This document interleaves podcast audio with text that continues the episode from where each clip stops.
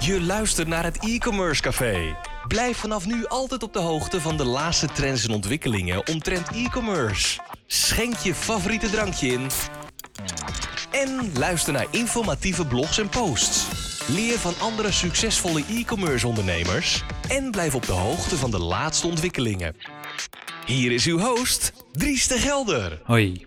Voordat we starten met het gesprek met Paul van der Hulst, wil ik graag mijn dank uitspreken aan onze sponsor voor het mede mogelijk maken van deze podcast. De podcast van vandaag wordt mede mogelijk gemaakt door Spotler, e-mail marketing automation speciaal voor webshops. Ga voor meer informatie over de mogelijkheden van Spotler naar spotler.com/e-commerce. En dan nu naar het gesprek met Paul van der Hulst. Hallo Paul. Ja, mooi. Paul van der Hulst. Ja. Uh, leuk dat je je verhaal wil doen in het e-commerce café. Ik zal even een korte introductie van je doen. Uh, we kennen elkaar uh, denk ik 1993. Toen kwam ik je voor het eerst tegen. Ja. Dat zijn we oud eigenlijk. Als je daar terugdenkt. Toch? Klopt. bij DEAC. Ja. daar ben je ook je carrière begonnen. na 1982. 1982 ben je dus begonnen, ja, oké. Okay. Ja, ik dus in 93 dan. Ja, maar jij bent ook een stuk jonger dan ik. Ja, Wat dat, is het? dat zien we alleen niet, toch? Uh, daarna ben je naar uh, Pezen gegaan. Ja. Uh, ben je directeur-eigenaar geworden. inmiddels noem je jezelf onafhankelijk ondernemer. Ja. en je bent een nieuw project gestart, gestart dat heet Lucky, You Lucky Bird. Ja. Dat is een kopje geproduceerd van koffiedrap. Een heel mooi initiatief, ga je dadelijk alles over vertellen. Ehm, en je spreekt perfect Italiaans. Oh, heb je dat onthouden? Dat heb ik onthouden. Dat stond me altijd, maar is dat nog zo? Ja, Kom je dat- nog veel in Italië? Ja, dat, dat soort dingen verleer je niet. Nee? Hey, tot op heden kloppen alle dingen die je zegt. Hè? Dus Oké. eh, wat dan. Uh, mis ik er dan nog een paar? Nee hoor, nee hoor. Maar dat komt misschien ter sprake eh, lopende het gesprek. Oké, nou, leuk Paul. Hey, laten we dan beginnen. Ja? Ehm, wat is het leukste wat je afgelopen week hebt gedaan? En niet zakelijk. Niet zakelijk. Ja. Niet zakelijk. Eh, ik heb eh, eh, gegolfd met mijn buurman. En die kan er niks van? Of? Ah, nee, nee. nee, maar weet je, het, het, het golfspelletje is ehm, zo leuk. Eh, het is elke keer weer anders. Omstandigheden zijn, eh, z- zijn anders. Er komt psychologie bij kijken, er komt techniek bij kijken. Dus alleen maar het rammen, dat, dat, dat, dat, dat is het niet. Eh, kortom, het is een enorme uitdagende sport. Dat heb ik samen met mijn buurman gedaan. We hebben een hele leuke middag gehad. Even geluncht, wijntje gedronken. Ja, het is toch helemaal top, man. En als jij dan op die golfbaan staat, ben je dan, eh, mo- wil je winnen van je buurman? Ja, Ja? maar goed, dat heeft altijd in me gezeten. Want ik eh, sport vijf keer in de week. En ehm, ik voetbal nu nog, nog steeds. Oké. Hè? Weliswaar bij 45 plus, CSV Apeldoorn. Maar eh, ja, Ehm, want je moet natuurlijk niet meer denken dat je eh, eh, 25 bent. In mijn hoofd gebeurt dat soms nog wel, hè? dat je acties maakt. Ehm, maar dat je lichaam niet op dezelfde manier eh, reageert. Dus dan dat is- zijn soms wel eens wat confrontaties. Maar goed, voor de rest lukt het allemaal nog, eh, Dries. En als je dan op die golfbaan staat, ben je dan ook, voer je dan een beetje psychische oorlog? Dat je zegt van even een beetje even zo'n klootopmerking maken vlak voordat hij gaat slaan? Of, Ah, ik hou wel van mensen soms wel eens een beetje jennen. Hè? Ja, ja. Met name als ik achter sta. dus, dus dat. ja, heel duidelijk. Ja, daar hou ik ook van. Ja. Ja, het speelspelletje ook vaak en dan eh, Oh ja? even, ja? Ja, af en toe zo net even in de, in de schaduw staan of even net voordat hij loopt even je schaduw laten zien of zo, weet je, dat soort hele kleine dingetjes. Om even net... zo goed ben ik dan nog niet hoor. Eh, ik heb handicap 21,5. Dus, eh, Oh ja, ik eh 36 of 35 Oh, joh, dus, hey. eh, maar ja, ik eh, golf één à twee keer per jaar. maar- maar dan wil ik zeker een keer met je golven. Eh, dat, dat gaan we dan een keer doen, eh, dat lijkt me leuk. Hey, ehm, je bent van DEAC, waar je een aardige poos eh, hebt gewerkt, dus van 82 tot eh 97. 97. Ja. En ehm, Er gebeurt weinig maar, hè, dat mensen zo lang bij een werkgever zitten. Hè. ja, Je ziet dat mensen echt jobhoppen. Hè. ja. Ehm, en dat, ehm, In die periode, eh, toen ik bij DEAC kwam werken, had ik al drie baantjes gehad. En moest ik eh, bij DEAC weg omdat ik militaire dienst in moest. mhm. Na militaire dienst ben ik auto's gaan verkopen. Daarna ben ik weer eh, nog een keer auto's gaan verkopen ergens anders. Toen ben ik weer teruggekomen bij DEAC. Mhm. En daarna ben ik weer de auto's ingegaan en, eh, en daarna heb ik mijn eigen koffiemerk ook nog gehad. dat wist ik dus niet. Maar Nee? Oké. nee. Het was namelijk zo, misschien is het leuk te vertellen, maar- of niet echt, maar, maar in de tijd van DEAC had je Cafema koffie. Ja, En die werd gebrand bij ICS. En toen gingen ze van ICS naar Smit en Doorlas. En ik vond het zo'n kwaliteitsverschil dat ik dat eigenlijk ja, niet kon verkopen aan mijn En eh, dus toen dacht ik van, nou, weet je wat, waarom ga ik gewoon niet naar ICS toe? En dat heb ik gedaan. En toen heb ik gewoon dezelfde Carresso en dezelfde Formoso gehaald. En ik ben dat aan mijn klanten gaan verkopen. Met groot succes. Onder welke naam? Eh Espresso. Espresso. Ja. Oké. Ja. Nou, ik ben er nog niet tegengekomen, maar, eh, maar Nee, goed. het is, ik heb het twee jaar gedaan en toen heb ik het, bedrijf verkocht, want ik wilde gaan reizen over de hele wereld en dat heb ik toen gaan doen. Ja. En het merk is niks meer van over. Ja. Maar ja, het was wel een hele leuke periode. Ja. Maar eh, dan ga je van DEAC ga je naar Pezen. Ja, Hoe neem je zo'n stap? Dat is niet even, als je echt zo lang werkt om dan een beslissing te nemen. nou dat had eigenlijk eh, mee te maken dat de, ehm, eh, de eigenaar en ondernemer van DEAC, Tom Collion, die eh, wilde destijds dat bedrijf eh, verkopen. Hè? Hij wilde het overdoen. Dus hij heeft mij in 1995 benaderd en gevraagd van zou jij eh, interesse hebben om dit eh, bedrijf over te nemen? Er waren inmiddels een aantal collega's eh, weggegaan en ehm, eh, privé was er wat gebeurd met, eh, met, met, eh, bij Collion thuis. Dus hij vroeg mij of ik daar, ja, of ik daar met hem over in, ge- in gesprek wilde gaan. Daar heb ik eh, eh, lang over nagedacht. Eh, want aan de ene kant vond ik het eh, enorm uitdagend. Ik kom uit een, eh, van oorsprong uit een ondernemersgezin. Mijn ouders hebben altijd bedrijven gehad. Dus ik was wel wat gewend thuis. En het was altijd mijn ambitie om een eigen bedrijf te beginnen. Dus toen ik een jaar of eh, 12, 13, 14 was, had ik altijd voor ogen, ik wil ooit nog eens een keer een, een, sportzaak hebben. Want ik sportte vroeger altijd veel. Hè? En om een eigen ehm, zaak te hebben waar ze voetbalschoenen verkochten en allerlei andere sportkleding. Dus dat was eh, ooit mijn ideaal. Gelukkig maar dat ik nooit in de retail ben eh, terechtgekomen. Want eh, ehm, als we vandaag de dag kijken hoe het retailland eruit ziet, dan ehm, hoef je niet echt blij te zijn daarmee. Maar dus laat ik zeggen, dat, dat ondernemersgevoel dat heeft er altijd bij me ingezeten. Maar als ik de directeur-eigenaar van DEAC belde in het weekend, dan eh, was hij altijd aan het werk. Er was eh, ook heel veel op de zaak. En eh, in die periode zaten wij net in de kleine kinderen. En toen vroeg ik mij af, ja, weet je, ehm, hard werken, daar ehm, heb ik geen bezwaar tegen. Maar om dag en nacht met een bedrijf bezig te zijn, wat ten koste dan gaat van het contact met je kinderen, dat was het allemaal aan mij niet waard. En ehm, dus ik heb uiteindelijk tegen hem gezegd dat ik het niet zou doen. Dus ik was een, en leefde in de veronderstelling dat ik in mijn positie, destijds was ik verantwoordelijk voor de hele verkoop bij DEAC, daarin verder eh, voort kon gaan. Maar hij zei me wel van ja, ik ga wel op zoek naar een, eh, dan een, een andere opvolger. Ja. Ik ga eh, buiten DEAC kijken naar, naar, eh, naar iemand anders. En dat is toen iemand eh, geworden die eh, afkomstig was van Douwe Egberts. Altijd daar marketingmanager is, eh, is geweest. En die is destijds aangetrokken bij DEAC als ehm, ja, aanstaande opvolger van eh, de directeur-eigenaar. Eh, maar goed, vanwege zijn marketingachtergrond werd hij eh, directeur marketing en verkoop. En ik zat natuurlijk ook ehm, eh, op die verkoopstoel. Ja. Ehm, dus ja, dat ging op een gegeven moment dat ging niet samen. En ik had wat andere ideeën ten aanzien van aanpak, verkoop, dan dat hij het geval had. En het was voor mij toen duidelijk, ja, dat is de beoogde opvolger. Dus als dat eh, komt tot een, eh, tot een keus, dan, ehm, dan is dat duidelijk.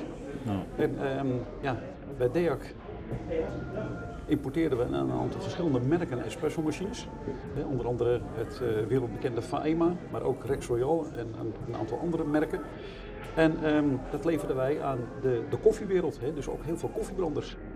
Eh, en een van die koffiebranders was Pezen. Dus ik eh, kende heel veel mensen bij Pezen en zij kenden mij. Ehm, in de jaren voor mijn eh, overgang naar Pezen ben ik dus een aantal keren in gesprek geweest met, met Pezen. Maar ik vond de toenmalige directeur-eigenaar dat vond ik zo'n verschrikkelijke eikel.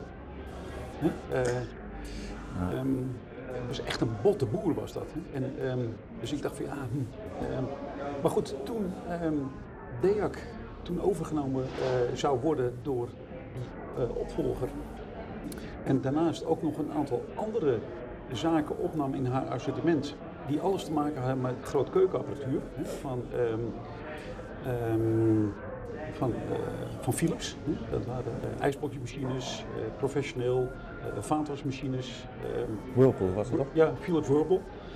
Ehm, en daar had ik helemaal niks mee. Ik ben mijn hele leven koffie geweest. En Ja. ja. ja, om dan iets met koelkasten te doen en ijsblokjesmachines, eh, daar, ehm, ja, magnetrons. Ja, en daar had ik dus niks mee. En ja, toen heb ik gezegd, dan ga ik wel om me heen kijken om, om te zien of ik misschien een volgende stap in mijn carrière kan zetten. Wel alles te maken hebben met koffie. En dat is toen uiteindelijk Pezen, eh, Pezen geworden. Eh, dus ik ben daar in 97 naartoe gegaan. Ik heb eerst een bepaald eh, marktsegment verder ontwikkeld. Hè. Dus de hele hotellerie. Daar heb ik eh, eh, dus de koerhuizen van deze wereld. En de, eh, dus vier, vijf sterren hotels. Ehm, in die tijd heb ik het Koninklijk Huis ook eh, ehm, eh, klant gemaakt. Dus, eh, Koninklijk Huis. ja, Nice. ja. Dus ik eh, kwam eh, vaak in jouw stadje. hè. Oké. Hij is de bos. Is de bos. Ook, maar ehm, met name ehm, in, de, in de binnenstad. Dus, ehm, Het werkpaleis. Hè? Het werkpaleis. Dan. Ja. Ehm, en dat is eh, erg succesvol eh, gegaan. En eh, binnen de familie Pezen, want Pezen is altijd een familiebedrijf geweest. Ehm, daar kwam een einde aan de opvolging, want de, de toenmalige directeur-eigenaar en zijn vrouw, een dochter van Pezen, die hadden geen kinderen. En die wilden dit bedrijf wel op een duurzame manier voortzetten. Hè? Want dat, Pezen stond toen al bekend als een van de meest duurzame ondernemingen in Nederland.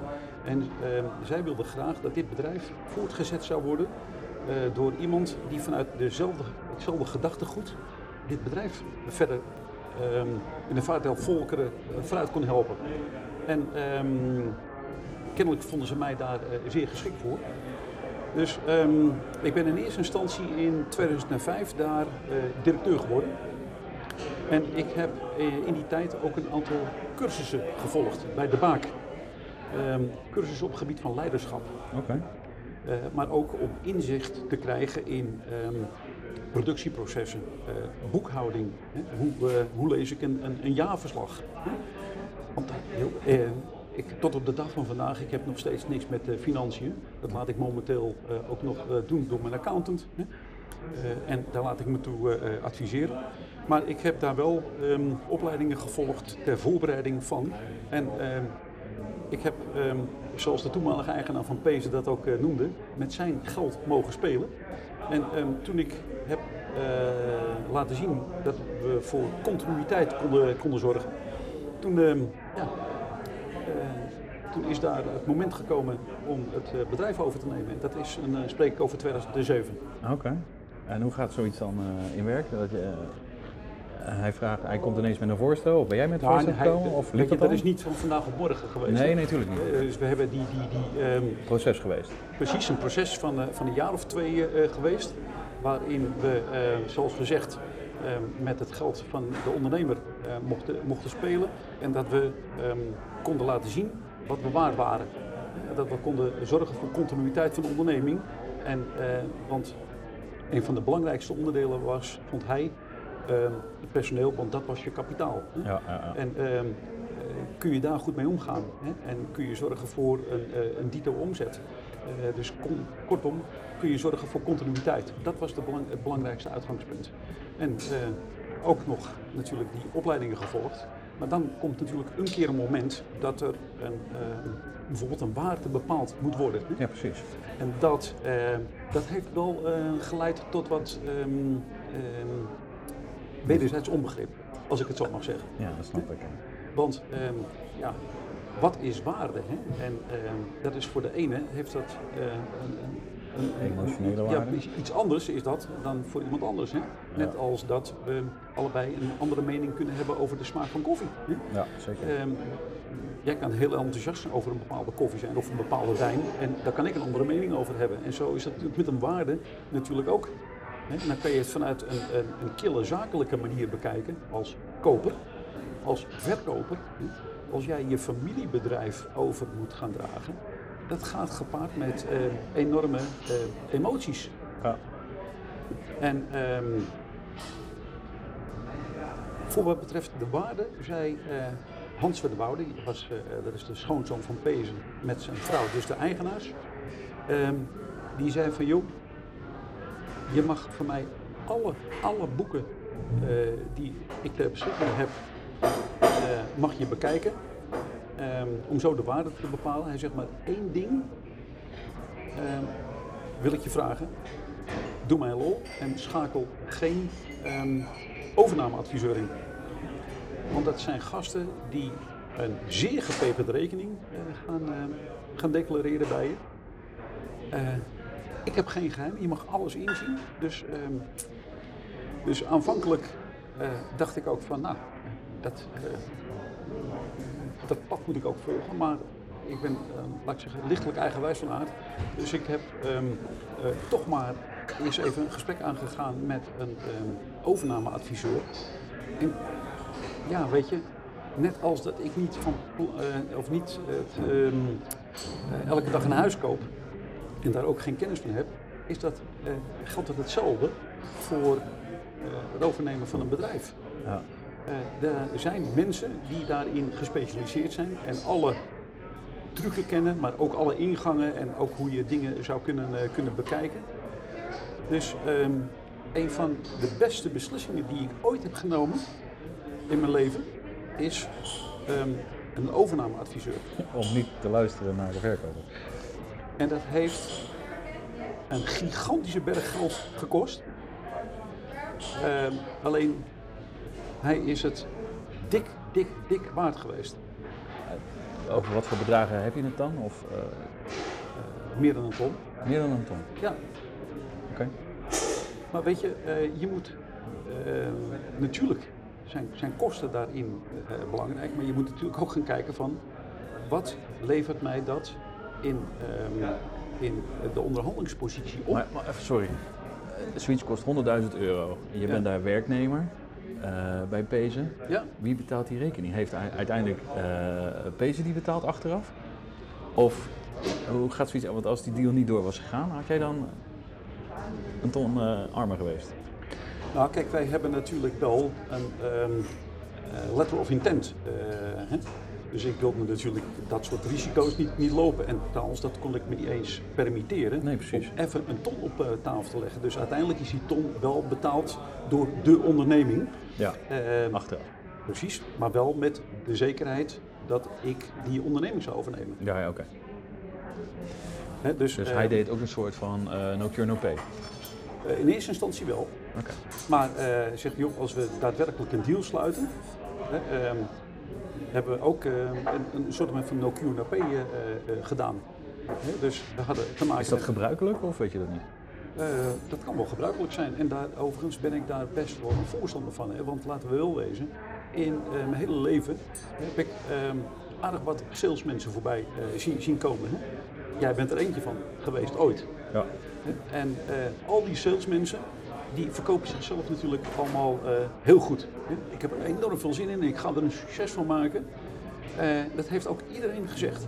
Maar ik ben nog nooit een salespersoon tegengekomen die zei van joh, het is maar na een half jaar niet gelukt. Eh, ik trek de portemonnee van, wat krijg je van me? Niemand. Nee. En iedereen zegt. Dus, ehm, en ik kan het, ehm, ik vind met name mensen die bijvoorbeeld zeggen van, weet je wat? Je betaalt me niks. Ik ga eerst eens even twee maanden laten zien wat ik waard ben. En ehm, daarna ehm, gaan we met elkaar rond tafel. En als je het dan daadwerkelijk laat zien, dan heb je toch een veel betere uitgangspositie om te praten over je eh, invulling van je salaris.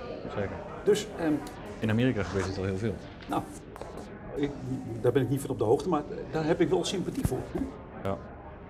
Even, even een ander vlak. Ik ben momenteel bezig met een jong onderneemster die een nieuw bedrijf gaat, eh, gaat opzetten.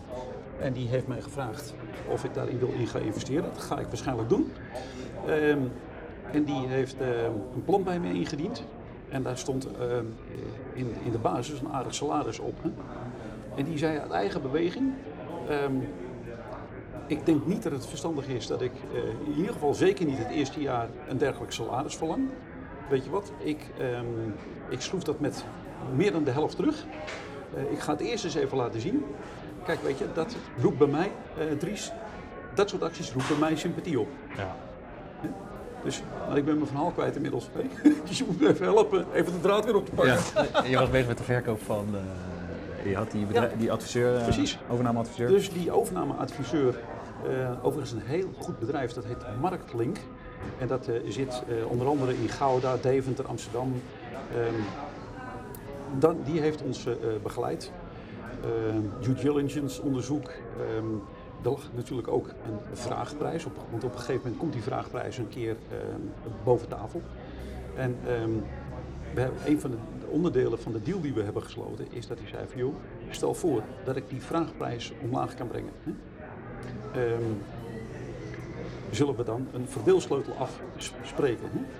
Dat eh, als ik dat zoveel omlaag kan krijgen, dan krijg ik er zoveel bij. En als ik zoveel omlaag krijg, krijg ik er zoveel bij. Ja.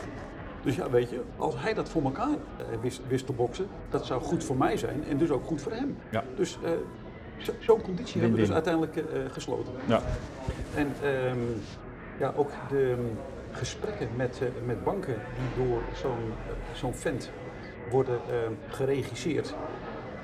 Eh, Die heeft daar zoveel ervaring in. En ja, die ervaring die miste ik dus. Hè?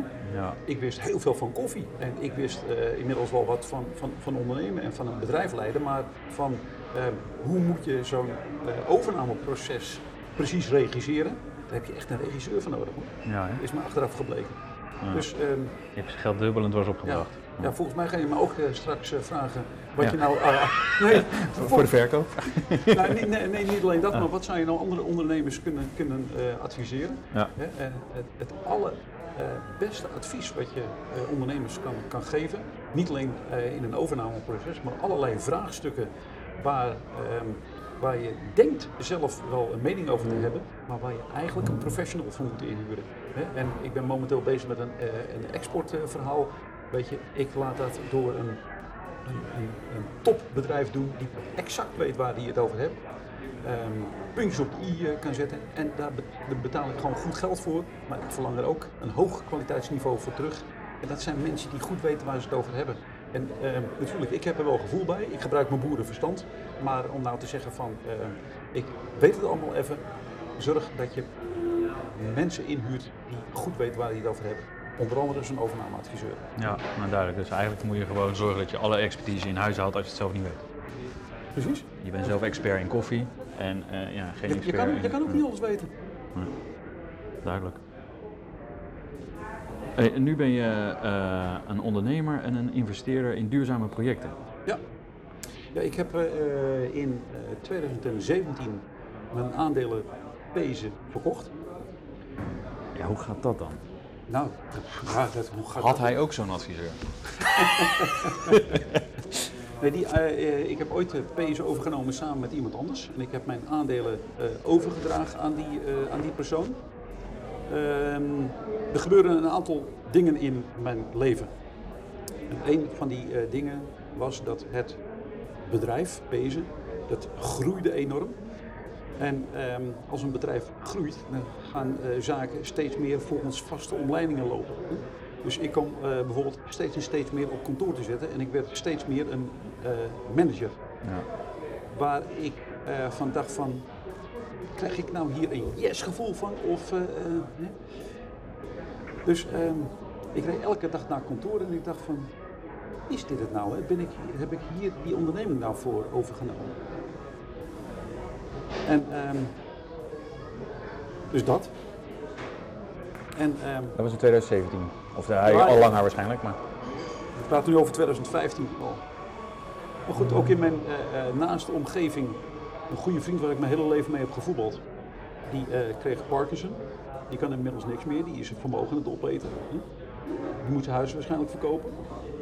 En ehm, dat heeft mij wel ehm, aan het denken gezet. En eh, niet alleen hij, maar meerdere vrienden om me heen kwamen om allerlei uiteenlopende redenen. Want we zaten vaak met elkaar. joh, als we straks 65 zijn, dan gaan we dat doen, dan gaan we dat doen, reizen en weet ik al wat niet. En al die mensen om me heen, die gaan om uiteenlopende redenen. Faillissement, scheiding, ziekte. Komen daar niet aan toe. En toen dacht ik van, dat zou mij ook kunnen overkomen. Ik zou ook Parkinson kunnen krijgen, want dat krijg je uit het niets. Hè? Of eh, iets, iets anders geks. Dus toen dacht ik van ja, leef ik nu? Hè? Of ga ik wachten tot ik, als ik 65 ben, en dan heb ik, heb ik nog meer. Ik ben niet meer, maar heb ik nog meer. En daar heb ik lang over Ja, dat was. Kom, even wachten. En, en eh, daar heb ik dus lang over nagedacht.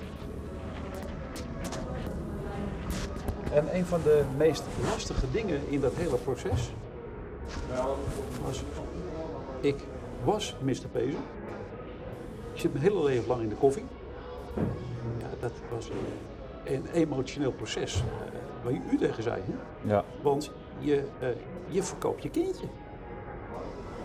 Je geeft je kindje weg. Hè? Ja, ja. Ik, eh, Voelde je dan ineens dat wat die vorige eigenaar misschien ook voelde? Of die emotionele band met het bedrijf? Nou, nog meer, want het komt nu in één keer dichtbij. Weet je, ik ben ehm, op sommige vlakken ben ik te emotioneel. Hè? Bijvoorbeeld eh, ehm, toen onze kat droog eh, dood dreigde te gaan, zei ik tegen mijn vrouw, doe jij dat maar, weet je wel. Dat, kan ik niet. Dat, dat vind ik emotioneel best, eh, best moeilijk. Dus wat heb ik gedaan? Ik heb in dat hele proces voorafgaand, heb ik psychische hulp ingeroepen. Nice. Want ik dacht, ja weet je, als ik straks de tent heb verkocht en ik kom niet meer bij Pezen, ja je hoort wel eens ondernemers, want ik heb een aantal mensen gesproken, die komen in een zwart gat terecht. En dat dacht ik van, dat ga ik me niet laten overkomen. Hè? Want ik had ook eh, vrienden van mij, eh, die vent die eh, verkocht zijn bedrijf, die, kwam, die kreeg een burn-out zelfs.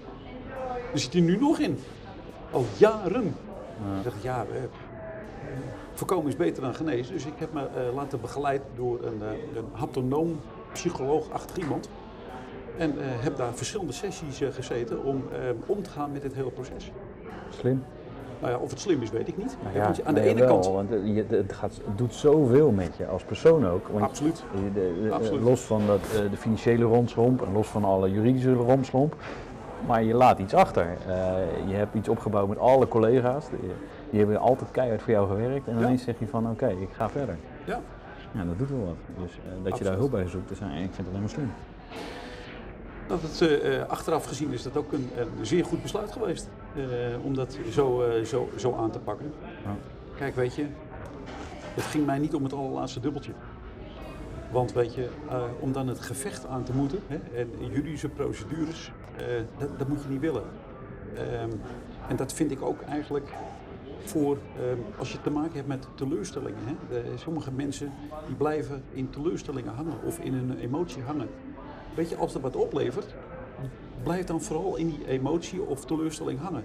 Maar als het niks oplevert, joh, ehm, bedenk dan van, joh, eh, ik kan be- beter mijn energie ergens anders insteken.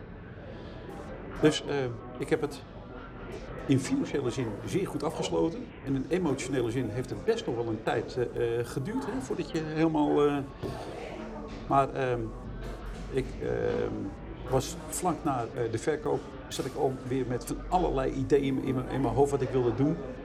En het, ehm, het kriebelde en ik, ik, ik bruiste van energie om van alles nog wat weer op te pakken. Ik ben bezig met een traject geweest om de miljarden koffiebekers die we elk jaar gebruiken, om daar een hergebruikssysteem voor op te zetten. Daar ben ik mee bezig geweest. Ik ben bezig geweest met een project om van ehm, ehm, oude autobanden, waar momenteel zoveel eh, om te doen is over die, al die eh, sportvelden, hè? slecht voor de gezondheid, om van oude autobanden om daar eh, bijvoorbeeld riemen van, van, te maken en tassen van, van, van te maken. Dus ik zat al in die hoek van, van hergebruik. En toen kwam ik op een gegeven moment een partij tegen die maakte van die, ehm, die maakte van koffiedrap, maakte die eh, bloempotten. Ik dacht, jezus, wat is dat gaaf zeg hé. En ehm, ja, eh, ik dacht gelijk eh, aan kopjes, want dat, dat, daar zit een enorm hoog verbruik in, met name in de, in de horeca. Dus ehm, vandaar dat toen het idee is opgekomen om iets met kopjes te gaan doen. Slim man. En dat is nu You Lucky Bird. Ja, dus ik ben 2,5 jaar geleden daarmee gestart, eind 2017. En daarmee hebben we gelijk een, dit jaar een prijs gewonnen op de Horecava. Ja. Innovatieprijs voor duurzaamheid op de Horecava. Ja, klopt. Dat is best, ja. een, best een dingetje volgens mij, die prijs. Ja, maar goed, weet je, kijk, ik, heb, um, ik doe Lucky Bird samen met iemand anders. En die uh, iemand anders heet uh, Guido ten Hengel. En Guido zit in dezelfde levensfase als ik. En die heeft zijn halve leven gewerkt bij Laplace. Is daar uh, verantwoordelijk geweest voor de inkoop van foodproducten. En die is 15 jaar geleden als eerste in Nederland begonnen om alle koffiedrap bij Laplace te verzamelen. Dat werd destijds in oude mayonaise-emmers gedaan. En zij hadden als versleverancier vroeg op windig, die kwam dat dagelijks. Dus die nam die oude mayonaise-emmers mee. En zo is, is de allereerste um, oesterzwammenkwekerij uh, opgezet via zijn initiatief, destijds via Laplace. Uh, en nu um, is het redelijk bekend dat er onder andere van koffiedrap, sommige mensen noemen het koffiedik en, uh, of koffieresidu, dat daar dingen van te maken zijn. onder andere oesterzwammen, champignons. Maar ik vond dat we daar iets, iets anders nog mee moesten doen met die, met die koffiedrap. Dus ik ben samen met die Guido, die ook een pionier is op dat vlak, samen uh, Juleke Beurt begonnen, 2,5 jaar geleden. Gaaf, leuk proces. Hartstikke leuk proces. Um, want het geeft met name weer de energie die ik, waar ik als ondernemer naar op zoek was. Weet je, je, um, de, je, je dagelijkse beslommeringen met personeel. Hè? Dat, dat zijn de, denk ik de minder leuke aspecten. Wat ik uh, leuk vind aan het ondernemerschap is bezig zijn met nieuwe dingen te ontwikkelen. Uh, daar een markt voor zoeken. Uh, zorgen dat je je product aanpast. En dat de markt daarvan zegt van... Jezus, wat is dat gaaf zeg. Dat, dat zou ik wel graag willen. En in die luxe positie zit ik momenteel, weet je wel. en wil je dan ook, zeg maar, als je het zeg maar, eenmaal je de markt hebt... Oké, okay, volgende traject. Nou, ik denk dat ik de komende jaren best wel wat um, uh, plezier kan gaan beleven aan dit kopje. Want het gaat natuurlijk niet alleen bij dit ene kopje blijven. Um, we gaan uh, meerdere toepassingen bekijken. Ik heb al gesprekken gevoerd met andere partijen in de koffie die naast kopjes er ook andere artikelen van willen laten maken. Maar ik heb bijvoorbeeld gisteren gesproken met een partij die doet in kunststof verhuisdozen. Want die zegt van joh, een verhuisdoos gaat gemiddeld 6 tot 7 keer mee. En daarna, en een verhuisdoos kan niet gerecycled worden. Die zei van joh, zou ik een, een kunststof verhuisdoos kunnen maken van die koffiedrap? Uh, want dat uh, gaat oneindig lang mee. En als die verhuisdoos op een gegeven moment aan zijn einde van zijn leven is, dan lever ik hem weer bij je in. We verkrummelen hem en we maken er weer een nieuwe verhuisdoos van. Nou, of een koffiekopje. Of een koffiekopje.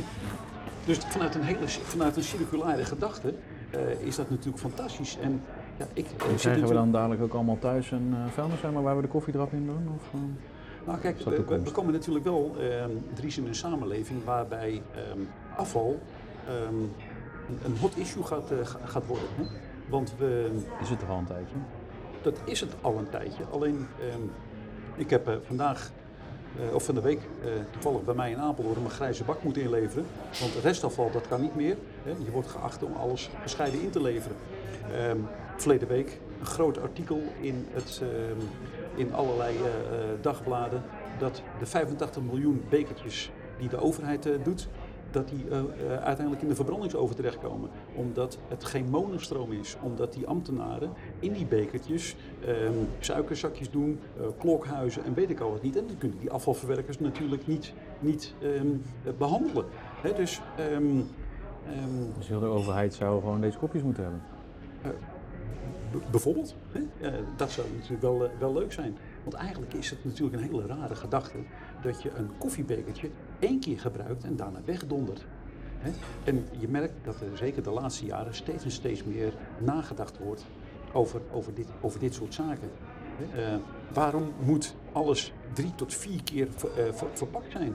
Ja. Ik nog, kom nog uit een tijd dat ik met een pannetje door mijn moeder naar de Chinees werd gestuurd. En dan werd het pannetje gevuld met, uh, met nazirames.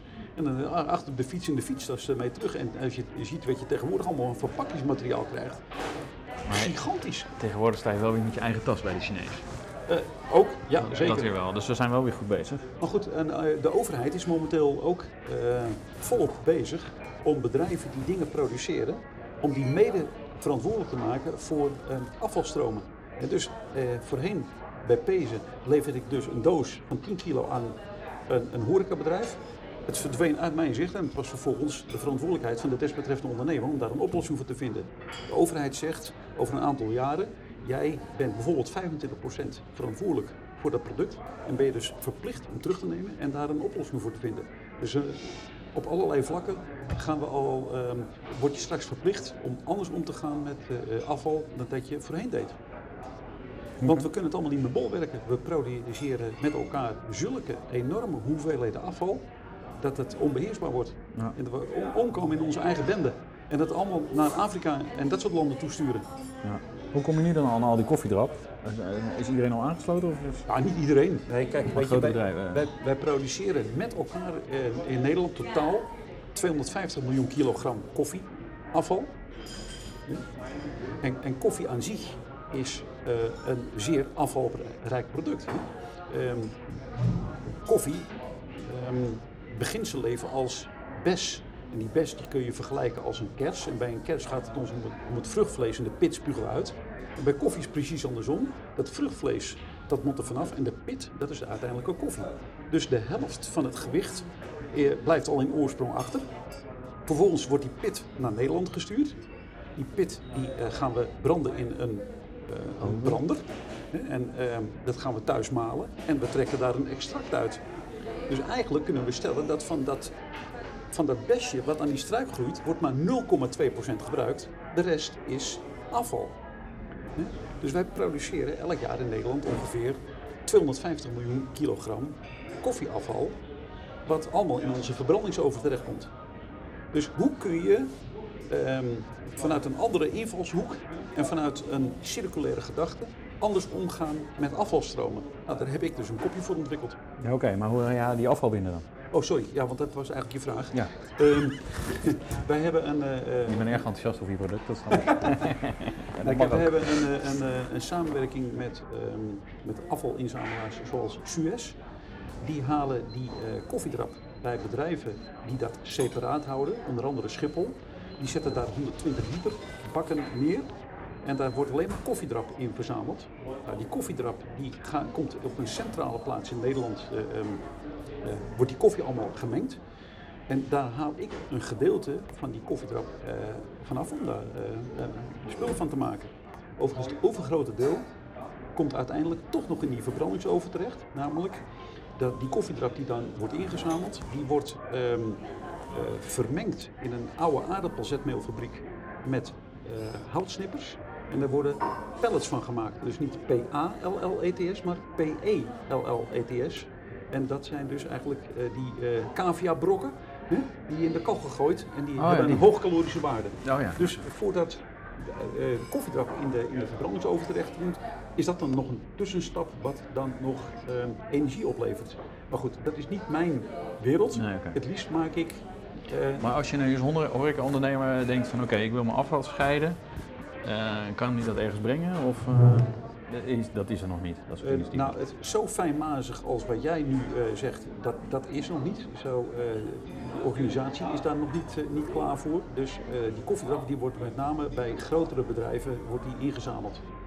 Eh, dus bij, ik noem maar wat, hoofdkantoor ING. Hè, ehm, want dat gaat natuurlijk om volumes. Kijk, als jij als horecaondernemer, jij weet natuurlijk vanuit je verleden, hoeveel kilo eh, doet een horecaondernemer per dag? ja. Nou, Eh, ja, van 1 tot... eh, één, één. nou laat ik zeggen 1 kilo. Ja, dan ben je al een grote. Eh, dus dan heb je eh 6 kilo koffie gebruik je per week. Maal 2, want koffie bevat natuurlijk 50% vocht. Dan heb je 12 kilo koffiedrap per week. Dat, dat, kunnen ze, eh, dat kun je natuurlijk niet ophalen, want als je daar een vrachtwagen voor moet sturen, dat kost klauwen met geld. Ja, dus om die reden is die fijnmazigheid is er nog niet. Maar er, weet je, er zijn tal van andere mogelijkheden. om ja, als het nou zo'n eh, grote container wordt die, helemaal, die je gewoon in je zaak kan neerzetten en het helemaal vol stopt of zo, maar Ja, nee, maar weet je, koffie is... gaat eh, schimmelen dan. Precies. Ja, dat wil je ook niet hebben. Maar goed, ehm, er zijn ehm, tal van grote bedrijven die zich daar al bij, eh, bij aansluiten. En ik kan aan een paar miljoen kilo koffiedrap eh, komen als ik wil.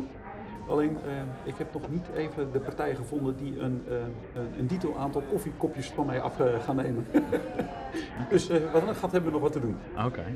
Maar goed, ik, ik wil dit bedrijf dat ik nu ben begonnen met Guido ook klaarmaken, zodat het over een jaar of tussen de 7 en 10 overgenomen wordt door een jongere generatie. Oké, ja, duidelijk.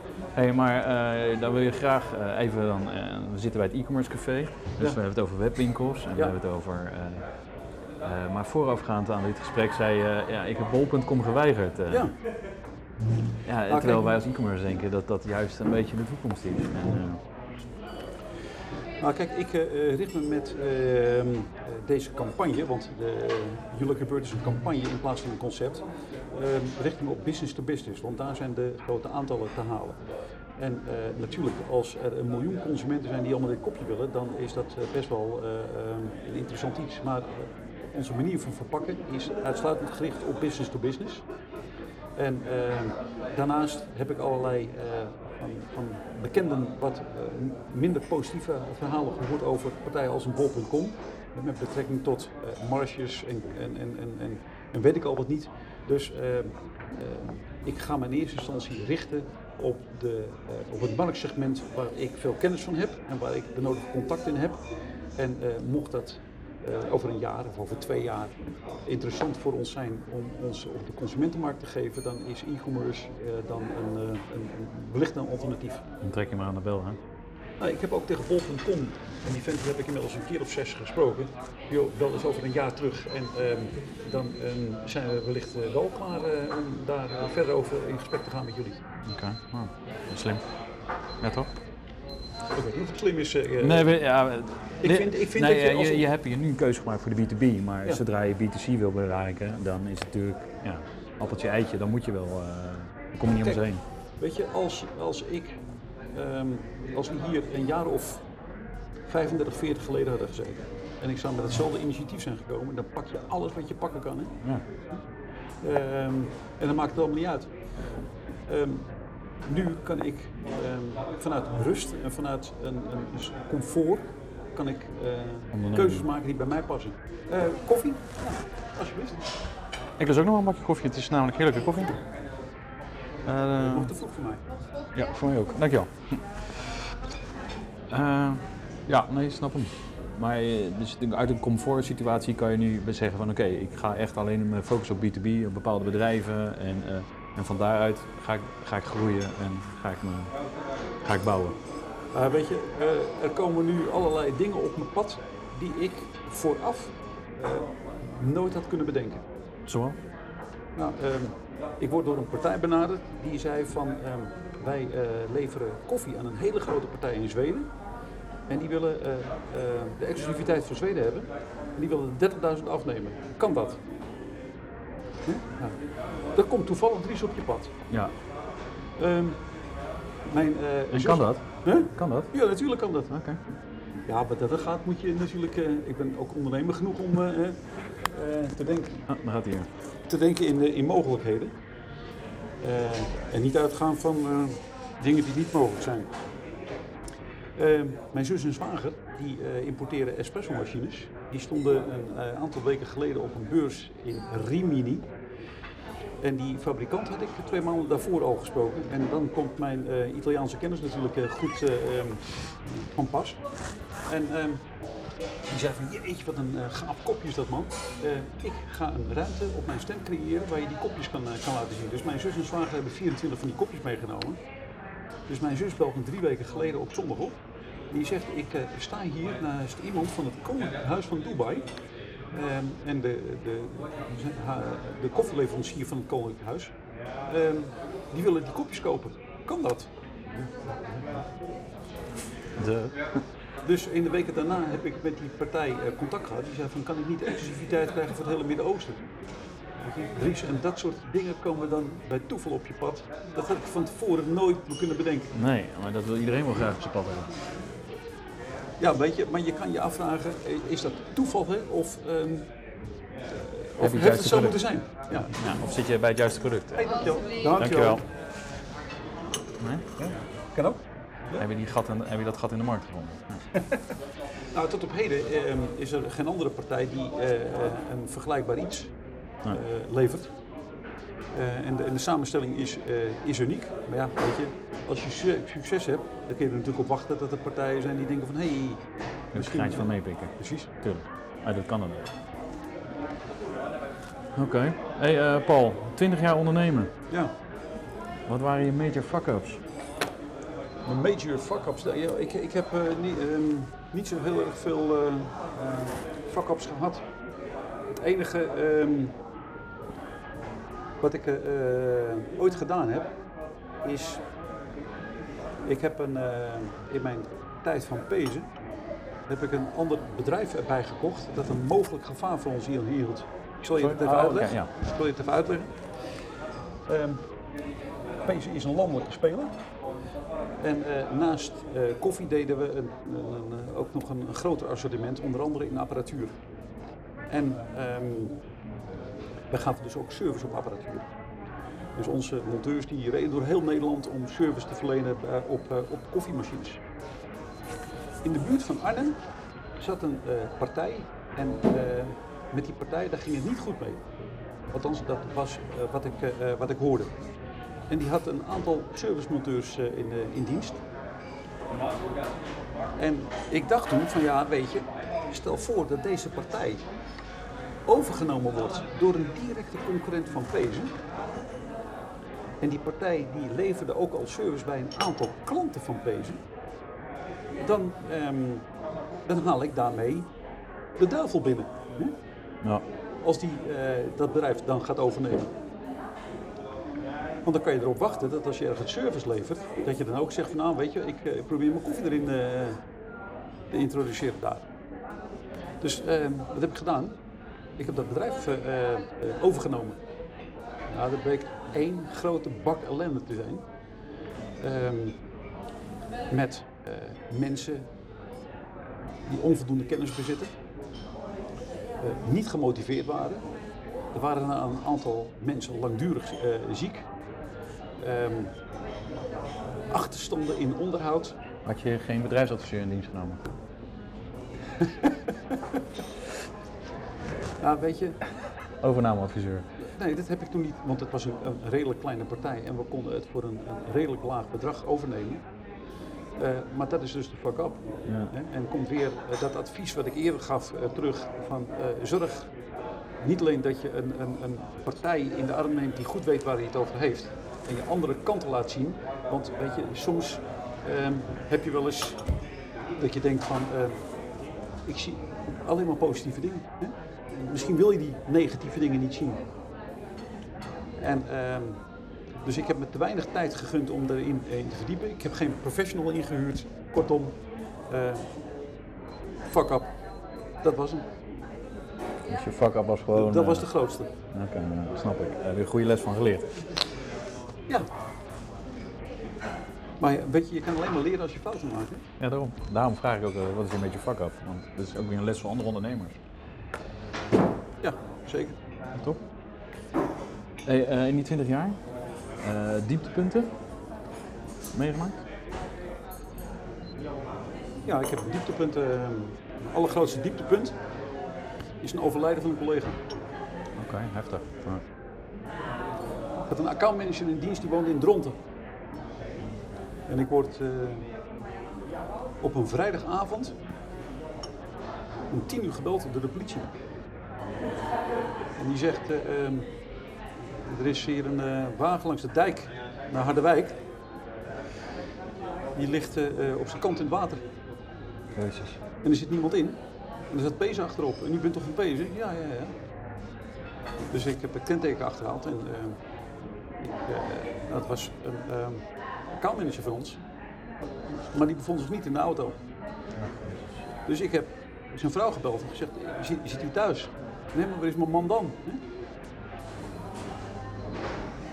En eh, hij is de hele nacht niet thuisgekomen.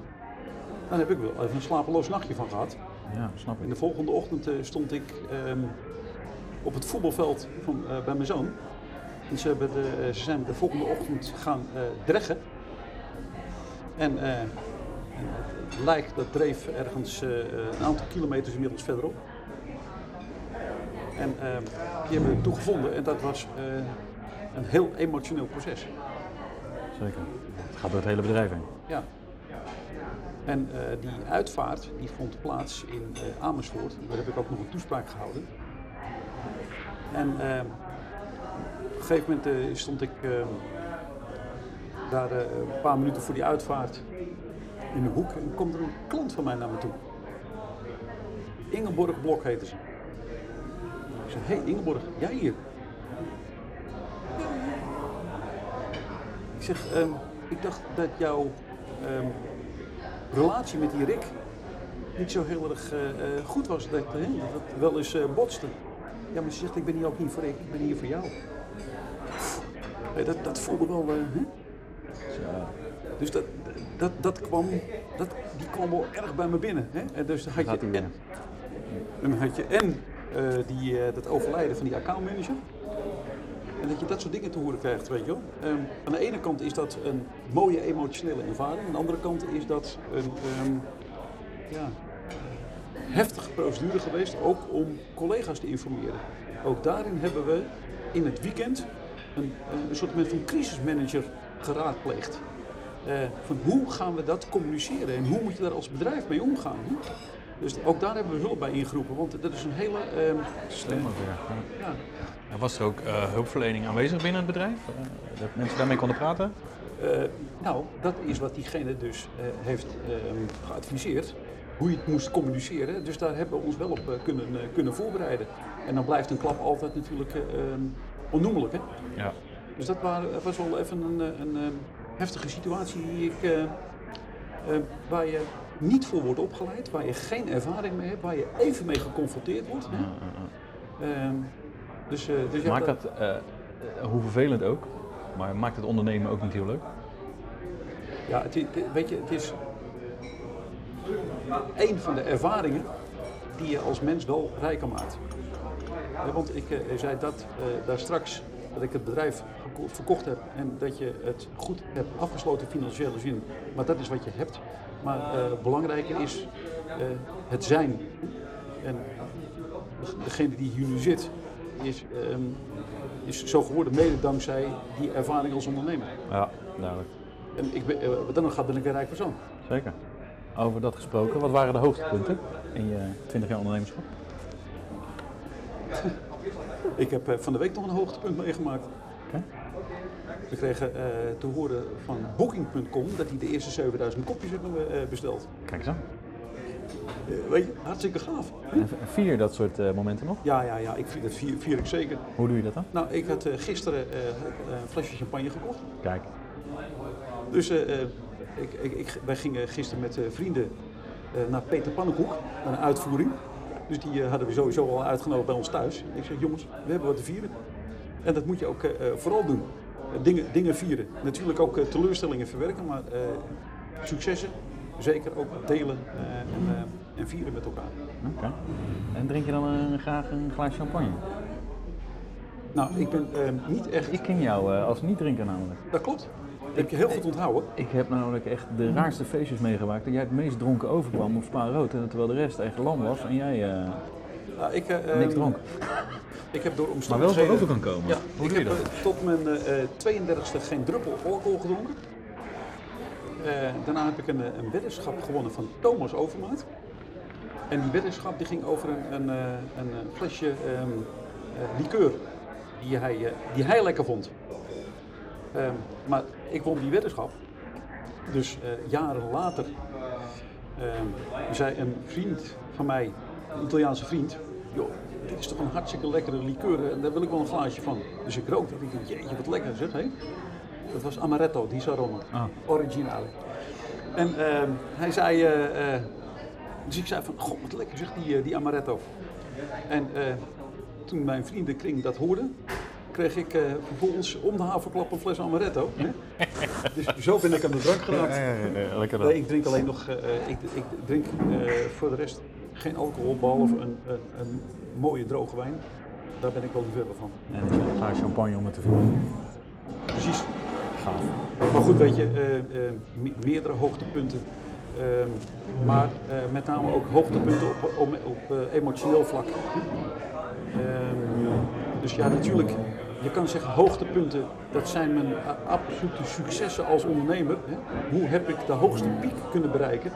Maar ehm, ja, misschien klinkt het een beetje oude lullig, maar eh, de, de hoogtepunten die mij als mens geraakt hebben, vind ik, eh, vind ik mooier. Mooiere ervaringen geweest dan de zakelijke hoogtepunten. Want die zijn er veelvuldig geweest in mijn carrière. Ja. Binnenhalen van Rabobank hè, als een van de grootste klanten. Maar ehm, Koninklijk Huis. hè, Koninklijk Huis. bijvoorbeeld. Maar ja, weet je, ehm, ik heb inmiddels ook een, een pleegdochter in, eh, in Ethiopië. En in mijn reizen, vol pezen naar, ehm, naar Ethiopië, ben ik el- telkens, telkens malen met eh, collega's daar naartoe gereisd. En ehm, ja, dan spreek je met, eh, met, met boeren. En, en vragen, hebben we altijd gevraagd van, joh, hoe zit jouw leven in elkaar? Wat zijn je uitdagingen? Ehm, zodat, je een, zodat mijn collega's ook konden zien van, wat is het om koffieboer te zijn? En wat is het nou om koffie te verbouwen? Eh, En er liepen altijd zwermen kinderen om, eh, omheen. En die kinderen werden altijd weggemapt. En ehm, met stokken zelfs. Dat was heel moeilijk om dat, om dat te zien. Ehm, maar op een gegeven moment was ik met een eh, groep boeren in gesprek. En er bleven een aantal kinderen staan, want het waren de, de, de kinderen van die boeren. En ehm, voel ik op een gegeven moment een, een hand in mijn hand. En ik keek naast me en ik zag een meisje staan van een jaar of acht. En dat emotioneerde mij als mens. Snap ik. Dus als je, als je het hebt over hoogtepunten, dan is dat wel een hoogtepunt. En dan kun je zeggen van een hand van een meisje. Maar ehm, inmiddels heb ik daar ehm, in Ethiopië de, eh, de nodige projecten eh, voor opgezet. Eh, ik heb dat meisje inmiddels, eh, is onze pleegdochter geworden en we betalen haar eh, studie.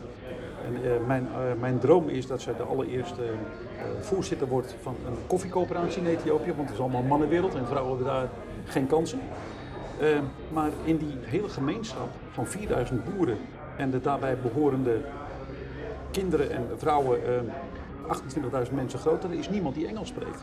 Dus het is mijn droom dat zij niet alleen de allereerste voorzitter wordt, maar ook degene is die straks buiten onze gasten kan, eh, te woord kan staan in de Engelse taal. Dat Eh, zou mooi zijn. en, ehm, dus dat is mijn emotie ook met, eh, met Ethiopië. Ik wil graag wat terug doen. En daar komt ook het verhaal van ehm Jullie Beurt weer in, eh, eh, weer in terug. Want ehm ogenschijnlijk gaat het om dat, op dat kopje. Dat, dat, eh, dat ziet er zo, uit, dat, eh, dat kopje. Gemaakt van koffiedrop. Je kan het ook echt ruiken dat dit eh, daarvan gemaakt is. Maar eigenlijk dient het twee hogere doelen. Enerzijds, hoe kunnen we een einde maken aan die ongebreidelde stort en verbranden van 250 miljoen kilo koffiedrap. Ik haal een gedeelte van die koffiedrap er- eruit en ik maak daar dus kopjes van. En als dat kopje op een gegeven moment lelijk wordt, dan verkrummel ik het en dan maak ik er ehm, nieuwe kopjes van. Dus dat is een heel circulair systeem. En een ander hogerliggende doel is, ehm, ehm, voor een gedeelte van de opbrengst van dit kopje, eh, begin ik een, ehm, een onderwijsproject van kinderen van koffieboeren, omdat de ouders geen geld hebben om die kinderen naar school te sturen. En ik vind dat we vandaag moeten investeren in de koffieboer van morgen, zodat we over 20 jaar nog steeds mooie koffie hebben. En, eh, en dus ga ik volgende week naar Ethiopië toe om een aanvang te maken met een, eh, met een schoolproject. Ik ga zorgen dat kinderen een schooluniform krijgen, eh, dat ze een maaltijd tussen de middag ehm, eh, verkrijgen. Ik zorg voor schoolmiddelen, hè, dus boeken, schrijfgerij en we betalen het schoolgeld. En, ehm, En een gebouw? wat zeg je? Gebouw? Nee, niet het gebouw, dat, dat niet, want dat is van de overheid. Maar eh, naarmate ik dus meer kopjes eh, verkoop, Dries, eh, kan ik dus ook meer kinderen helpen. Oké, en hoeveel kopjes moet je dan verkopen om één kind te helpen? Eh, dus ongeveer 100 kopjes. 100 kopjes. Oké, dat is niet zo heel veel. Nee, ik, heb, ik, ik zeg even de, de rekensom fout. Duizend kopjes. Duizend excuus. Ja, Dus als iemand duizend kopjes bij je afneemt, helpt ze, help je, helpen, ze, helpen ze eigenlijk ook gelijk een kind. voor één jaar. Voor één jaar. Ja, Kijk. En hoe lang eh, duurt zo'n opleiding? het is een opleiding. Ja? Nee, dat is, je moet het Ja, gewoon dit- vergelijken als een lagere school. Ah, lagere dat school. kinderen Dus naar de lagere jaar. school kunnen. Zes jaar ongeveer. Ja. Dus Het- het als heet- je 6000 kopjes afneemt, dan help je een kind door de school heen. Eh, in, theorie, in theorie zou dat... eh, Of zes kinderen per jaar. Ja, Hoor je het? eh? Ja, ze hebben vanuit Ethiopië mij wel gevraagd of we ons hier langdurig aan willen committen. ja, tuurlijk. Het enige is dat ik als ondernemer natuurlijk niet kan zeggen of we volgend jaar er 100.000 verkopen of maar 50.000. Nou, Eh, dus ik, heb, eh, ik ga ook zorgen dat ik eh, persoonlijk garant sta voor een bepaald eh, bedrag. Zodat ze vanuit Ethiopië in ieder geval de zekerheid hebben dat we elk jaar een minimale hoeveelheid kinderen kunnen helpen. gaaf Paul. Dat- dat- laat ik zeggen, dus, Nee, maar dit is toch, dit successen te behalen. Maar als je successen kan delen, dat is toch mooi? Ah, kijk, eh, ehm, ehm, ja. Maar eh, het geeft met name voldoening. Hè? En ik, ik vind ook dat eh, eh, iedereen die hiernaar luistert, ehm, je moet uit het ondernemerschap voldoening halen. Hè? En je moet op zoek gaan naar dingen die, ehm, waar je energie van krijgt, waar je voldoening van krijgt. En als het ook nog eens een keer zin in het leven geeft, dan is het in mijn optiek helemaal mooi. Maar weet je, de andere kant is natuurlijk dat als jij een jong ondernemer bent, die dik in dik in de schulden zit hè, en moet zorgen voor eh, opgroeiende kinderen, dan doe je dat net wel vanuit een andere positie dan dat ik dat doe. Ja. Dus wat dat gaat, realiseer ik me, Dries, heel goed dat ik in een luxe positie zit. En ik niet. Of jij niet, dat weet ik niet, maar... eh, Opgroeiende kinderen. Net gestart met een onderneming. Ja. nee, maar goed, weet je, dan, dan, dan, eh, dan onderneem je wel vanuit een andere positie. Ja. En dat is wat ik eigenlijk iedereen ehm, eh, toewens. Dat, je- dat je dingen kan doen die je vanuit, ehm, vanuit een gevoel. Hè? Want ik heb als ondernemer ook heel veel gewerkt vanuit gevoel. Eh, voelt het voor mij goed? En, ehm, dus ik, ik, onderne, ik ondernam meer met het hart dan met het eh, eh, hoofd. Wat doe je over vijf jaar, Paul? Nou, over vijf jaar hebben we dat kopjesproject ehm, verder uitgewerkt. Want ehm, ik heb van allerlei vragen om daar andere dingen van eh, te kunnen doen. Ehm, dus over vijf jaar ben ik nog steeds ondernemer, maar mijn eh, focus. Ik ehm, heb zelf gezegd, ik ben nu eh, ehm, 61, dat ik dit traject zeven, maximaal tien jaar wil doen. En daarna moet een jongere generatie het, eh, eh, het overnemen. Want weet je, eh, ouderdom gaat natuurlijk een, een rol spelen. Je krijgt minder energie. Ehm, je wordt minder scherp misschien. ehm, en ehm, ik heb in ieder geval letterlijk en figuurlijk het vermogen om andere mensen eh, ehm, eh, in het zadel te helpen en een duwtje in de rug te geven. Gaaf. En eh, dat is mooi om te doen. Ook Zeker. dat. En dat geeft je ook weer energie. Maar goed, ik, vind ook, de, de, ehm, ik wil wel nog altijd wel wat blijven doen. En dat is dan niet eh, fulltime meer, maar wel nog eh, betrokken eh, zijn en blijven.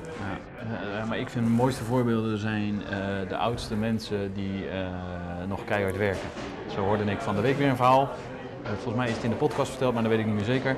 Maar zijn ja, schoonvader, die werkt tien dagen en is nog vier dagen in de week vrij. Die man is in de tachtig geloof ik. Maar een echt serieuze baan. Weet je wel? Maar die man die is daardoor nog zo vitaal en staat nog zo daardoor midden in het leven. En ja, ik denk dat dat, dat houdt je ook jong. Nou, ik, eh, dat, denk ik zeker. En als je ook eh, eh, je brein eh, getraind houdt, eh, gezond eet, eh, met, met eh, sport en ook de zin in het eh, leven houdt, weet je wel, dan, dan is, is dat, want ziektes, dat, dat, dat, dat kunnen we natuurlijk niet, eh, niet voor zijn, maar je kan wel je eh, gezondheid een, een duwtje in de rug eh, geven door op een, op een bewuste manier te leven. Zeker. Hey Paul, ik denk dat we een hele hoop besproken hebben. Ik vond het in ieder geval waanzinnig gaaf. Ja? Ik heb nog een aantal vaste vragen die ik aan elke gast stel. Ja? Eh, als mensen contact met je willen opnemen naar aanleiding van ons gesprek, mag dat? En zo ja, hoe doen ze dat dan? Kijk, eh, ik heb natuurlijk eh, de website youluckybird.nl. Oké? Ehm, daar staan in ieder geval de contactgegevens in. Ik ben natuurlijk ook, eh, eh, ik sta op LinkedIn. Ik ben er niet heel erg actief mee, ehm, moet je zeggen, om, ehm, om allerlei dingen, eh, recente ontwikkelingen, om dat eh, eventjes aan te passen. Dus dat is nog een, eh, een, een uitdaging voor me. Dus eh, zo kunnen ze in, in contact komen. Helemaal goed. Hoeveel is genoeg? Hoeveel is genoeg? Ehm, ja, maar eh, hoeveel is genoeg? Dan, dan, dat, ehm, dat beschouw ik meer als ehm, van ehm, een, een, vaste waarde. Ehm, geld? Bedoel je dat? Hoeveel is genoeg? Ehm, Ja, ik, ik, eh, laat ik het zo zeggen, ik ben, ik ben eh, ehm, tevreden. En, eh, Je hebt al genoeg. Ik, ik heb al genoeg. Dus ehm, dat kunnen zelfs kleine beetjes zijn, eh, kleine stapjes, eh, die mij al tevreden kunnen stellen. En dat vind ik op dat moment genoeg. Snap ik. Ik ben niet rupsje nooit. hm? Nooit genoeg. Oké. Terwijl sommigen zeggen ook altijd, het is nooit genoeg. Want ook al he- heb je het nu heb je genoeg, maar je gaat toch weer een nieuw project in en je, wil, je krijgt toch weer een kick als je 7000 van die kopjes verkoopt. Maar dat is omdat je daar eh, zeven kindertjes weer naar school kan laten gaan. Ja, goed, dat is dan niet de motivatie van eh, ik kan zeven. Maar eh, toevallig is dat die rekensom. Maar als je ehm, niet genoeg hebt, dan word je onrustig. Hè? Ehm, en ik vind dat je ook soms tevreden moet zijn met het maximale resultaat op dat moment. En ehm, maak je niet druk, joh. Want dat is allemaal niet goed voor je. Nee toch? Hè? Maar maak je vooral druk als je denkt dat je daar winst mee kan halen. Maar vaak is dat niet. Nee, dat is zeker waar. Is, is- of is dat te filosofisch? Dit, eh? Ja, iedereen heeft, weet je wel, ik luister heel veel Amerikaanse podcasts. Oké. En als, je, als ze daar die vraag stellen, dan roepen ze 10 miljoen, 100 miljoen. En, en dan, eh, ja, weet je wel, en dan denk ik, ja, het is op niks gebaseerd. En in Nederland zijn we al, ik heb die vraag nu 25 keer gesteld aan ondernemers. En niet één heeft er een bedrag aan gekoppeld. Nee. Ja, vind ik mooi. Dus daarom blijf ik me ook gewoon stellen. Nou, Omdat iedereen toch een ander filosofisch antwoord geeft of eh, gelukkig zijn waarmee ze bezig zijn. En een ander zegt, ja, het is nooit genoeg, want ik blijf maar gaan. Weet je wel, ja, prima, weet je wel. Je- je- voor iedereen is het anders. En ik denk dat elke ondernemer daar ook anders in is. En daarom, vind ik dat, daarom vind ik die vraag ook zo leuk. En daarom blijf ik hem denk ik ook gewoon stellen. Wat is jouw favoriete podcast? Ik heb geen favoriete podcast, jongen. Ik, ik, ik ben wat dat nog gaat een beetje digibate. Ik, eh, eh, ik moet je zeggen, ik heb eh, ehm, een van mijn andere activiteiten is, ik ben actief voor het PUM, dat is een overheidsinstantie. En ehm, daar doe ik, laat ik zeggen, een gemiddeld een maand per jaar vrijwilligerswerk voor. Door kennis te delen met mensen in ontwikkelingslanden. En die willen niet meer schriftelijke rapportages hebben, maar die wilden meer beelden hebben. Dus ik heb recentelijk heb ik een, ehm, een vlogcursus gevolgd. Eh, want zij willen graag dat ik over projecten eh, beeldmateriaal laat zien. Hè, wat, we daarmee, eh, wat, wat ik bereik in die ontwikkelingslanden. Dus, ehm dus eh, vlog ja, maar om nou te zeggen van noem maar eens even een, ehm, een, een favoriete vlogger. Het is, dat, is voor mij nog eventjes eh, ehm, te ver weg. Maar wel leuk, want een aantal podcasten terug heb ik zakelijk vlogster, ik kan even niet op naam komen, Lieke van der Plas geïnterviewd en die heeft een podcast gedaan. En die geeft een masterclass zakelijk vlog eh, cadeau. Oh, Dus eh, je kan nog instappen oké. dus, eh, om zakelijk te vloggen. Dus weet je wel, dat is om, zeg maar, als je een ondernemer bent en je wil even meer laten zien. kijk, met Pezen is natuurlijk een heel mooi, misschien een heel mooi voorbeeld. Maar het is een mooi bedrijf. Maar als je op de website komt of buiten komt, weet je niet hoeveel mensen daar werken en hoe daar omgegaan wordt, wat de cultuur is. Doe je elke dag een andere ondernemer even op camera zetten en je laat je even het woord doen. En je geeft dat menselijke aspect mee naar buiten. Ik denk dat dat heel veel goodwill kweekt. Absoluut. Nou, dat is de reden waarom ik ook die, eh, die, die vlogcursus doe. Omdat ik met mijn initiatief voor You Lucky Birds, ehm, met name over Ethiopië ook, ehm, wil ehm, mijn, mijn afnemers wil laten zien wat, wat ik eh, met het, onder, onder- het onderwijsproject onder andere doe. Hè? Ja. Zodat mensen daar een, een gevoel bij krijgen van, ehm, vind ik dat nou ook belangrijk? Ik wil ook een stukje bewijsvoering eh, ehm, eh, kunnen tonen. Ja, zeker. Goed man. Wat is je laatst gelezen managementboek? Oh, dat is alweer een, een, een tijdje geleden. Ehm, maar dat is van good to great. Oké. En eigenlijk is dat een, een boek, een managementboek, die, die, die zegt hoe kun je als onderneming jezelf verbeteren. En dat, dat heeft met name te maken met, eh, eh, met, met mensen die eh, een bepaalde kwaliteit eh, kunnen, kunnen leveren. Dus zorg dat je kwalitatief goede mensen eh, inhuurt die ook samen met jou de kar kunnen trekken. En je hebt altijd binnen je onderneming mensen eh, die achter die kar aanhangen en vaak hun hak in het zand zetten. En eigenlijk is de conclusie van, van good to great dat je een, eh, een hoeveelheid eh, mensen die achter die kar aan hangen vervangt voor mensen die aan de kar trekken. En zo kun je een onderneming verder, eh, verder vooruit helpen. Ja, of gaan duwen in plaats van trekken. Ja. precies. Ja, nou, dat lijkt me een interessant boek. Ga ik zeker opschrijven. Ja. En welk managementboek vind je dat elke ondernemer minimaal gelezen moet hebben?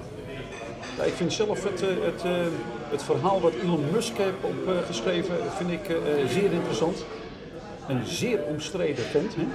Ehm, geen eh, eh, 13 in een dozijn. Eh, en daarom heb ik dat eh, boek van Elon Musk eh, gelezen. Hij heeft eh, een hoop eh, stront over zich heen gekregen in de afgelopen jaren. Maar de meest recente ontwikkelingen ehm,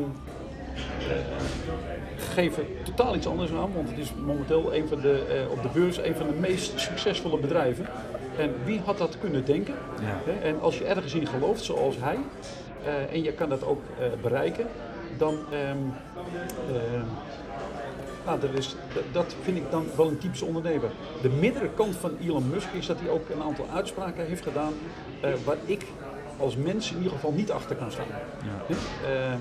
Dus die, die, ehm, die wel ook iets zeggen over, eh, over de desbetreffende man. Maar qua, als ondernemer eh, kan ik hem eh, zeer goed waarderen. Ja. Ga ik ook lezen dan. Ik heb nog een hoop te lezen. Oh ja? Ja, zeker. Ik heb natuurlijk dit soort gesprekken twee keer in de week. Ja? Dus ik krijg regelmatig wat boekadviezen. En ik vind ze eigenlijk allemaal interessant. Maar ja, Ja. ik sta al tegenwoordig s ochtends om 6 uur op om te lezen. Maar Oei. hoe lang bestaat Facebook nog? Hoe lang bestaat Facebook nog? Ehm, hoe lang bestaat Facebook nog? Ik denk dat Facebook eh, eh, blijft bestaan, maar wel in een andere vorm dan nu. Want die hebben natuurlijk ehm, eh, die hebben een businessmodel waarbij ze eigenlijk alleen maar het delen van informatie ehm, zien als bron van inkomsten. Terwijl ik Facebook altijd zag van, joh, het is een platform die mij helpt, maar ze, ehm, dat, is, is allemaal niet. Volgens mij is Facebook inmiddels te groot geworden dat die zal, zal gaan verdwijnen. Ehm, maar ehm, ik ben er inmiddels wel achter dat naast Facebook er een aantal andere platforms zijn eh, die, ehm, waar ik nog meer vertrouwen in ga krijgen. En welke is dat? Instagram bijvoorbeeld. Maar dat is ook van Facebook. Dat is van Facebook. Ja. ja goed, dat, dat wist ik dan eventjes niet, maar ehm kun je nagaan, nee, DigiB. Ja. Maar, WhatsApp is ook van Facebook. Ja, Wist je wel? Ja, ja, dat wist ik wel. Dat wist ik wel. Maar ehm, ja, dus ik zie dat soort partijen eh, niet in één keer van de markt af, eh, afgaan. Maar ze, ze zullen zich wel wat ehm, meer aan afspraken moeten gaan houden. Ja, Facebook. Zuckerberg heeft net toch eh, bij de Europese Commissie gezeten. Hè? En die wordt daar als een koning ontvangen. Ja. Ook respect voor, eh, voor En zo hoor, dat je dat hebt kunnen bereiken. heeft hij daar keihard voor staan liegen ook. Maar, voor die commissie. Maar dat is een andere vraag. Hele belangrijke vraag. Hoe lang draag jij een spijkerbroek voordat hij eh, de was in gaat? Ik zal je zeggen, deze spijkerbroek die ik aan heb, heb ik inmiddels twee weken aan. Ehm, ik eh, draag alleen maar duurzaam geproduceerde spijkerbroeken van het merk Kuyuchi. Ehm, want ik vind eh, die hele duurzame gedachte moet je niet alleen maar ehm, voor de buitenwereld doen door, ja, door eh, als een soort van greenwashing te doen, maar je moet het ook in je dagelijks leven eh, eh, toepassen. Dus ehm, ik, koop, ik weet natuurlijk dat ehm, eh, koffie is enorm vervuilend, maar spijkerbroeken is ook mega vervuilend. Hè? Om één spijkerbroek te maken, dat kost 1400 liter water. Eén kop koffie kost overigens 100 liter water. Ook enorm vervuilend. Dus ik, ehm, eh, mijn kleding en ook andere beslissingen die ik neem in mijn leven, daar speelt de duurzaamheid een belangrijke rol in. Dus ik ehm, eh, als mijn broek nog gewoon goed schoon is, dan blijf ik hem dragen. Eh, en ik gooi hem dus niet om de paar dagen maar in, in, de, in de was, ook al is hij schoon. Want dat past niet bij, bij mijn manier van leven. Dus wijn, eh, eh, niet wassen als hij schoon is. En eh, koop duurzaam geproduceerde kleding. Want als je ziet, want eh, ik heb het iets verteld over eh, eh, koffie en duurzaamheid en, en de consequenties daarvan. Als je ziet wat er in de kledingindustrie nog aan winst te behalen valt op dat vlak, mega, gigantisch. Oké. Maar wat is dan het langste? Wat het langste is, Hoe lang je een spijkerbroek draagt voordat je wast? nou, ik heb, ik heb een week of vier, Ja? ja hoor, Oké, nou nice. Je bent nog niet zo dat je hem in de vriezer doet. in de vriezer. Nee, nee, dat, dat, nee, dat niet. Nee? Nee. Nee, wat, zou dat Nou, effect ze, ze zeggen dat je de spijkerbroek sowieso nooit moet wassen. Ah, Dat je, als je hem in de vriezer doet, dat je dan... eh, dat je dan, dat schoon kan. Nee, dat je dan de bacteriën eruit haalt. En dan Ja. kan je hem gewoon weer dragen zonder dat je hoeft te wassen. Eh, dat heb ik nog niet eerder gehoord, eh, Dries. Oké, nou, weer wat geleerd verder, Paul. Hey, eh, wie zou mijn volgende gast moeten zijn? Die jouw volgende gast zou moeten zijn. Het liefst een beetje in de e-commerce hoek. eh, ondernemer. De e-commerce hoek.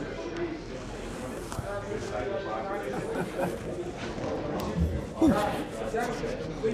Ja, ik ben, ik ben eh, laat ik zeggen, in die e- e-commerce eh, eh, totaal niet thuis. Goh, daar moet ik eens even wat langer over, anders zit je over je microfoon. wat, wat langer over, eh, over, over, over nadenken. Ehm, ik zou het niet weten. Wie, wie, eh, Nou, je mag er ook op terugkomen, dan eh, zetten we hem in de show notes. in de show notes. Oh, dat kan? Ja, ja, ja. Oh, dan moet ik erop terugkomen. Ja? Ja, daar moet ik even over nadenken. Want om zomaar een naam eh, te geven, dat vind ik ook, dat vind, dat vind ik ook zo wat. Nou, Paul, het wordt wat rumoerig hier, dus we zijn denk ik mooi op tijd klaar. Oké. En ik wil je hartelijk danken voor het gesprek.